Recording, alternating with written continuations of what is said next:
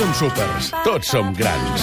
Ella també. Ho és gairebé tant com els personatges extraordinaris que ens descobrirà ara mateix la ministra d'Afers Humans de l'Estat de Gràcia, Lolita Bosch.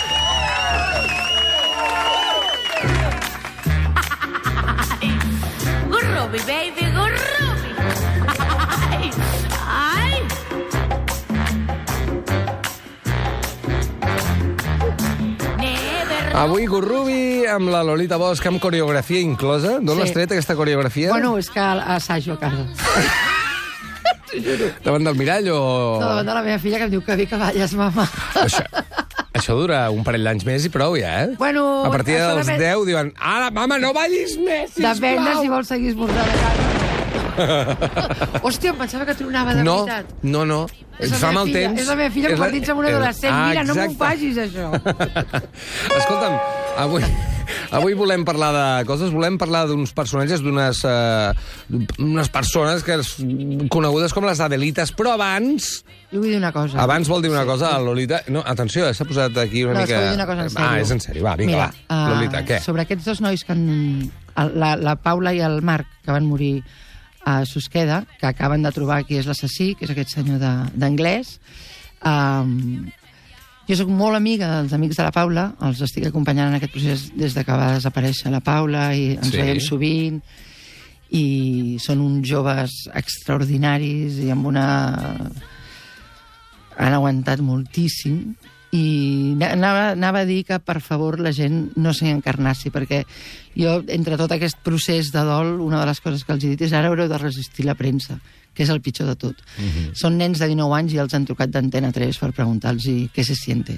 Llavors, primera, um, com que és un procés que he viscut molt de la vora, doncs donar les gràcies als Mossos que han pujat cada setmana a, a veure què ha passat i, i després que demano així com que no se haga leña del árbol caído perquè els comentaris als diaris els, està començant a ser una mica desagradable. Penseu que hi ha un grup de 20 nens i nenes o adolescents de 19 a 22 anys extraordinaris, absolutament dolguts, que el que necessiten és confort, Mhm. no morbo. Sí, senyor, molt ben dit. Uh, moltes gràcies. Mira, nosaltres uh, fa un parell de dies vam trucar al Carles Porta per comentar aviam si sabia alguna cosa i la veritat és que al cap d'un minut i mig d'estar parlant amb ell, eh, tant ell com nosaltres ens en vam adonar que no havíem de seguir parlant del tema, No. uh, de què va passar, com va anar, qui és, sinó donar això, uh, condol a la família i als amics. Sí, o un silenci respectuós. Uh -huh. Jo, eh, els amics, de veritat, són una gent al·lucinant. Jo els veig molt i, hòstia, els adolescents salvaran el món, tio. Doncs perfecte, des d'aquí I una un abraçada. record per la Paula i el Marc. que Absolutament, pobres. ni per la família, i els La amics, insistim. Nosaltres avui amb la Lolita ja ho sabeu, fem sempre personatges extraordinaris, vides extraordinàries, i avui ens n'anem amb les Adelites. Si Adelita se fuera con otro, la seguiría por tierra y por mar. Si por mar en un buque de guerra, si por tierra en un tren militar. Les Adelites. Qui són les Adelites? Mira, ella va picant a la taula, va ballant, avui està bailonga. Vamos, Adelitas! Hòstia, Que no? el tron fot por, tio. Clar, és l'única manera que paris. De que calli. No, que és bona aquesta bé. versió, és bona aquesta, aquesta versió.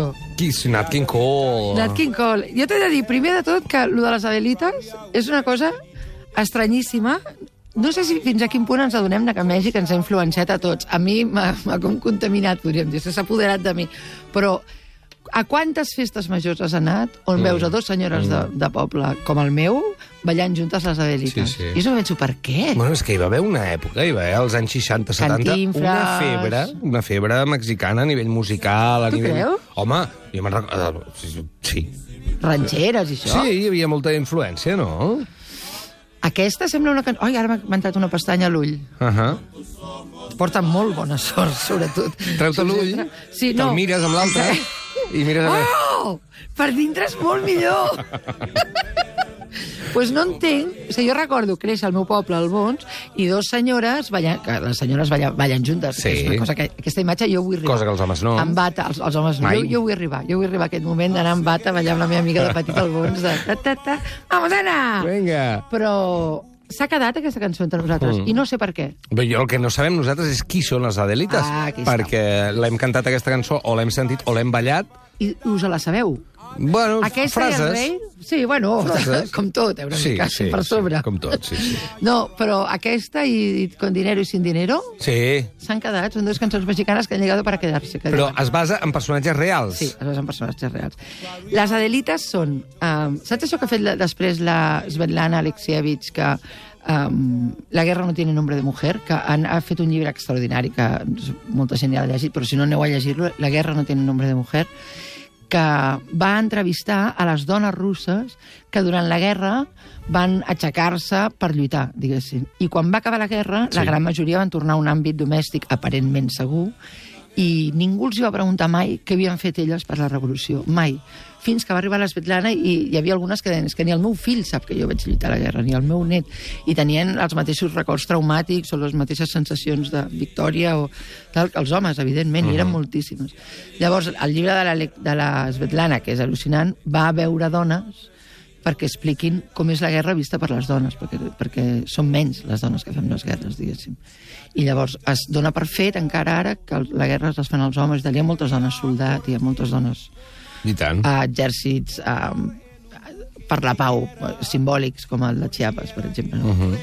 Les Adelites uh, són les dones que van fer la Revolució Mexicana. I són aquella imatge que tenim de... Hi ha, un arxiu fotogràfic a Mèxic que es diu Arxiu Casola, que és on està tot, diguéssim, que té aquella foto que jo diria que és la més clàssica d'una dona amb, amb, amb una faldilla llarga de color blanc, unes cartutxeres, Sí. una camiseta de màniga curta, una trena llarga al, al darrere i agafada amb un tren anant-se'n a fer la revolució. Aquesta imatge, que és, és la venen a la- a l'aeroport de la ciutat de Mèxic, diguéssim, uh -huh. és com la imatge que tenim de les Adelites. Però la veritat és que les Adelites, durant molt temps, eh, les hem oblidat. No? O sigui, la, la història les ha oblidat. I són dones que, a més de fer la guerra, diguéssim que no va ser una guerra, va ser un, un, una revolució pels drets ciutadans, van fer abans i després moltíssimes altres coses. Uh -huh. Anem a pams, aviam, la revolució. Uh, on ens hem de situar? 1870... Viva la! Ah, no es pot parlar en sèrio amb I aquesta l'altre, dona. ara escriu això a Mèxic i l'altre contesta, però que viva bien lejos! Ja en vam tenir una i ja en vam tenir prou. No, a Mèxic hi ha la teoria de que cada any 10 passa una cosa. Ahà. El 1810 la independència, el 1910 la revolució i, curiosament, el 2010 va començar la guerra, aproximadament. Ahà. O sigui que hi ha com aquesta maledicció de cada 100 anys... mm, Tal. Bueno, a la revolució, la, primer, a, a Mèxic hi havia un, un, un dictador, que es diu Porfirio Díaz, no se li diu dictador, se li diu el Porfiriato, que era absolutament afrancesat, no? Uh -huh. Tant que a les escoles de Mèxic es cantava la marsellesa. Uh -huh. A mi això encara m'ha passat. La meva sogra, quan era petita al col·le, cantava la marsellesa, no cantava l'himne de Mèxic. I això és una cosa que va fer Porfirio Díaz i, i va fer una altra cosa que a l'estat espanyol els sonarà, que és que va concentrar tota la riquesa a la capital, mentre tota la, la resta del país, uh -huh. que eren latifundios, no? I era, era de cacics, eh, latifundis no, no, eh? Mm, no et sabria dir-t'ho, eh? No, és que no tenim faries prou tros, no tenim prou tros, jo crec. Bueno, No, Catalunya està ple, eh, sempre. de latifundis? No, està tot, està tot, ple, tot, tot, sí, sembrat. naus industrials. Tenim tot sembrat. Vagis on vagis, hi ha una rotonda i una nau industrial. Fins que arribes a Esterri... Lletges, lletges, Tot però molt lleig, lletges. tot lleig. Bueno, doncs ells no, ho ten- no ho tenien. Llavors, la, les zones rurals vivien pràcticament en un sistema medieval de cacics, no? que encara que sembli difícil de creure, això avui encara passa. Hi ha molta gent que viu um, perquè hi ha un senyor ric allà que li permet cultivar les terres, uh -huh. li ha de donar una part i tal. I llavors els, els treballadors es van intentar aixecar diverses vegades contra el, contra el porfiriat, que va començar el 1876 i va, començar, va acabar el 1911. Mai, mai se'n van sortir, fins que un home que es deia Francisco i Madero, que és el típic xiste de que són dos, no, és Francisco i punto Madero, va pro- És ¿Ya Ortega- llegaron? ¿Quién es? Eh, Ortega y Gasset. Clar, Francisco i Madero. Va provar de posar les classes altes, des de les classes altes, al Sí. remei a la injustícia. Sí. Que aquestes coses sempre és Això com passa. acaba funcionant. Sí. sí que algú Sí. De, des del Algú que té poder... temps i diners Exacte, algú que té temps i diners. es posa amb les classes baixes al costat. Exacte, algú que, que està al poder es revela contra el poder, que és sempre com la figura que s'espera. Això ho va fer el, el, el Madero, que era, era un burgès eh, solidari, generós i tal, i, i va dir que el, el nou segle a Mèxic s'havia d'encarar amb dignitat, que són tres drets, el, el, ell considera la dignitat, i jo també, tres drets que encara avui defensem per un, país on hi ha un 50% de misèria, educació, sanitat i nutrició. Oh, m'encanta! México! México! Hòstia, que ben trobada. Estic donant-li la mà al Roger de Gràcia. Hòstia, Eh, què passa? Tio. És la meva cançó de la moto. Ah, és la cançó que canto quan estic a dintre de la moto. Hòstia. Mexican Institute of Sound, México. L'has buscat ara? Jo la coneixia. Mua. Mua. No ho ha fet ell. És que la vaig fer jo. Gràcies, Virgili, la reina. Cançó... Què dius? Perdona! Hosti, això és la Que mà, no, ja. no em trauran el Polònia. Francisco i Madero eh, eh, és el que comença a parlar des de les classes benestants de les coses que s'havien de canviar. Educació, sanitat i aliment. I en Sí. Porfirio, Bueno, nutri- en Porfirio nutrició. això no li devia agradar, clar. No, el Porfirio no li, no li agradava. El va i fotre a la presó. El va, sí, el van fotre a la presó, el van desterrar, una mica com tots els personatges que t'explico, aquesta part la podem passar una mica per alt, Taleu, Destierro i Exili. exili. I llavors, des de l'exili, ell va sentar les bases de la Revolució Mexicana. I el 20 de novembre del 2010, que és una data que a 1910, Mèxic... 1910. 1910. Sí. No, ho he dit malament. No passa res. Ah, vale. Què he dit? T'estimem igual.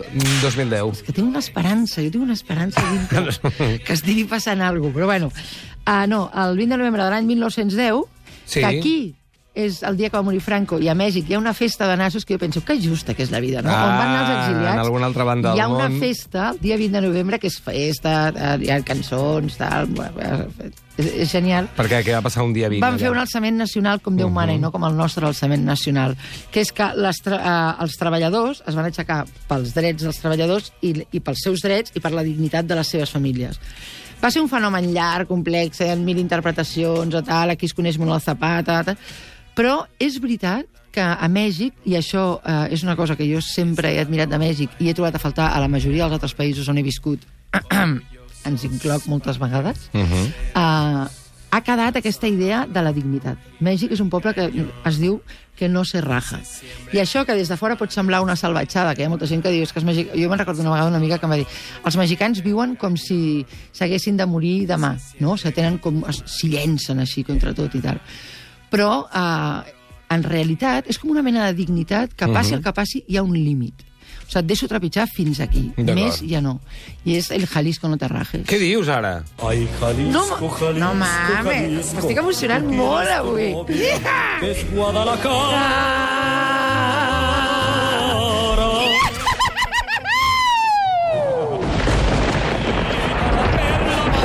Ai. Hòstia, només senyor. faré personatges mexicans. a partir d'ara. Escolta'm, no hem arribat a les Adelites. Voy. Va, home. Llavors, les Adelites... Sí. És que, és que hòstia, no va.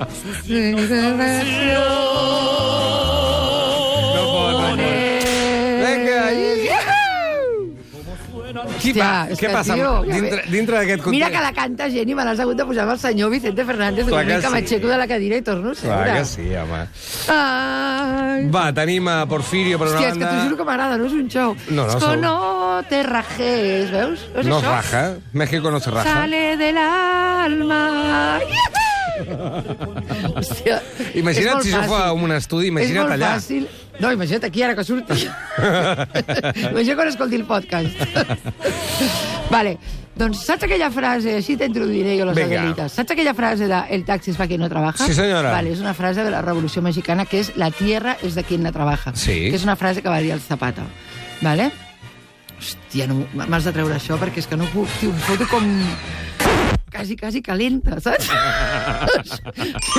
Faig un parèntesis. Fa molt poc vaig anar a Olot a un festival de literatura Sí. i baixant, una senyora em va dir, tu ets de Lolita Bosch? Diu, sí. Diu, hòstia, jo llegint-te sempre he pensat que anaves molt calenta. Dic, què, què dius, senyora? M'ho diu en sèrio? Perquè ell escriu això- escoltant Vicente Fernández. Exacte, i ara m'ha agafat... Com, com, no, no, ho he com associat amb Val. aquella senyora. Doncs fem silenci. Silenci glacial. Sí, sí. Bueno. Hòstia, Perquè ens expliqui. molt aquests... aquests, aquests... Bueno, sí, va.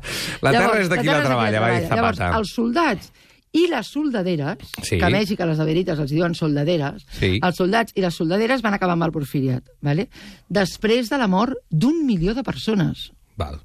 Uh, I sense erradicar ni la misèria ni la gana, que encara avui és, és uh, espantós. No? Uh -huh. Aleshores, el, el Zapata finalment es va aixecar contra Madero, de- la revolució és molt llarga i està plena Sí, de, de, sí. de desitjos polítics, es va, es va aixecar contra Madero i el Zapata se li va unir al Pancho Villa. I per què es van, es van separar del Madero? Perquè en realitat el PRI, que és el, el govern que durant 71 anys ha, ha, ha fet una dictadura, dicta blanda, li va dir el senyor Presler, Sí. a Mèxic, eh, el, van decidir que després de la revolució la família revolucionària, que es deia, s'anirien partint el, el govern. Llavors, a cada sis anys li tocaria algú. Va néixer el PRI a la revolució. O sigui, van, es va fer un Val. repartiment de terres i, i dels primers eh, presidents, com Lázaro Cárdenas, que és per aixecar-se, i tal, van, van, van ajudar en tot això. Però, en realitat, aquells que havien fet la revolució són els que després es convertirien en els dictadors de, de Mèxic D'acord. a una part, diguéssim. Bueno, I així, amb aquest context, és com ja es pot parlar de, la, de les Adelites. Les Adelites eren unes dones que van sortir de l'àmbit no tan còmode com se sol pensar, que és l'àm- l'àmbit domèstic, i no tan segur com se sol pensar, com ja sabem, i van treballar pels drets dels pagesos inicialment i per la repartició de les terres, perquè la màxima de la Revolució Mexicana era la repartició de les terres. Aleshores, moltes feien de soldades, però també n'hi havia que jugaven papers estratègics, n'hi ha que van ser intel·lectuals, n'hi havia moltes també que eren analfabetes i, i les usaven eh, o, bueno, o, o s'oferien per cuinar, per mantenir els camps, per, per netejar armes... Tal. O sigui que va haver-hi... Eh, va haver-hi dones a, tot, a tots el, el, els aspectes relacionats amb la revolució, des de l'intel·lectual fins a la cuina. I no ho dic com a classe social, eh? Sí, sinó sí, a tots, sí. a tots. I, eh, per suposat, van lluitar per la república, no? en una època encara, a la que encara hi havia virreis i emperadors europeus que volien governar Amèrica Llatina. Uh -huh. Sí, sí, sí. preneu, una, preneu una nota. però eh? he, dit, he dit, van lluitar per la república en una època en la que encara hi havia virreis i emperadors. Mm, I ahí lo dejo. No sé de què parles. No sé de què parles. Van ser ben rebudes o no van ser ben rebudes? A les files? No, ja. no, no, les dones mai són ben rebudes quan eh, d'entrada comencen a ficar-se en un món d'homes, d'home, d'homes, m'ha sortit. D'homes, de sí, de Girona, sí. d'Olot. Quan, quan, quan arriben en un món d'homes, Sí. poc les reben bé, saps? Poc se'ls estimen, perquè diuen, hòstia, ara ens vindran a fotre la feina i a sobre haurem d'ajudar Ja. a casa, me cago en I Déu, a més a saps? Mèxic que tenen fama de, de masclisme. Sí, però no ho són tants. Això és una cosa que jo sempre ho dic i la gent no s'ho creu. Però a Mèxic, el Círculo Rojo, que es diu que és aquesta gent amb accés a la cultura i al tal, són molt més feministes que en aquí. Molt més feministes que en aquí. No el gruix de la població, però sí el Círculo Rojo. Dit això, eh, elles, de fet, hi havia... Bueno, primer els van dir marimachos, no?, tot això. Eh, mujeres de baja moral... Sí, eh, he de callar. Bueno, llavors t'ho explico molt ràpid. No, digues. No, aleshores, a Mèxic, eh, el, aquestes dones són les que després aconseguirien el dret a vot i són les que després aconseguirien fer unions de dones per donar educació a dones amb menys recursos. I les adelites es, es van unir per aixecar una mica per ajudar amb la repartició de les terres, però no van fer, no n'hi havia tantes com homes fent la revolució, però es van aixecar en nom de les dones de Mèxic per fer quantitat de coses que encara avui fem servir, com per exemple, eh, jo podria dir que jo voto a Mèxic gràcies a una delita, no? perquè van seguir organitzades. Però la, la revolució les ha oblidat, les ha fet com si fossin gairebé eh, serventes dels revolucionaris. Voy a dejarte el Va, mundo. hombre, hòstia, Roger, Para tio, ti solita. És una prova, és anar-li posant músiques mexicanes a veure si pot avançar o no. Sí, que Tens sí. un minut i mig, o sigui que ja... pues l'escullo per cantar el, el, el Vicente Fernández. Solita.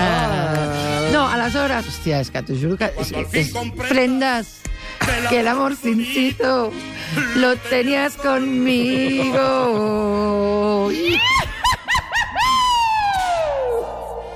Ai, que moro. Hòstia, tio, és que t'ho juro, no faré res més de Mèxic, però no em puc concentrar, és, és, ho porto dintre. Et volia explicar la història d'unes quantes Adelites, Ah, vale? sí? però no em ah, donarà sí? temps. Quan? Ah, sí, no, no, A L'any que ve, no, m'ho vols explicar? Eh? No, ara, uh, quan hi hagi una altra república, on sigui, jo t'explico les històries privades de diverses Adelites. No, volia dir-te que les Adelites van fer periodisme, van fundar clubs femenins, van fer activisme polític, literatura i moltíssimes coses més, diguéssim, pel país. I que va ser Adelita des de la dona del Madero, Ahà. que quan van matar Madero ella va dir no, no, jo m'aixeco i segueixo amb elles, fins a una senyora que es deia Amelia Roble, Sí. Que des de sempre havia sentit la direcció pel cavall i les armes, i quan va començar la guerra va dir ara puc sortir i fer el que jo vull fer. Endavant. O sigui, que va ser des d'una dona que aparentment tenia tots els drets limitadíssims que podien tenir les dones en aquella època, fins a una dona que no tenia cap oportunitat i va trobar en la guerra, o en, el, en la revolució, perquè mai se li ha dit guerra, una raó per sortir al carrer i fer coses. I això en el llibre de la... i amb això ho, ho tanco rodonit, i això amb el llibre de la Svetlana Alexievich eh, es veu. Vale? Hi ha moltes dones que la única oportunitat que van tenir per sortir al carrer és quan eren necessàries. Això hi ha algú mal plantejat. Adelita se llama la joven a quien yo quiero y no puedo olvidar. Ai, no, mira, hòstia, mira, de veritat, pell de gallina literal. Gallina tio. de piel! Gallina de piel. Les, les Adelites, uh, després les dones intel·lectuals de Mèxic i tal, les han recuperat molt, i els homes finalment també. Però um, representen a moltes dones que només ens criden quan ens necessiten, diguéssim. Uh, no m'incloc perquè jo per sort tinc... Uh -huh. Però molta, el, les dones en el gruix de la societat, quan són necessàries, llavors sí. Però si no, es mantenen, segueixen en un àmbit domèstic a molts països del món. Quin plaer, com sempre, escoltar la història extraordinària, en aquest cas I de les viva la revolució! Les Adelites, gràcies, Lolita! Why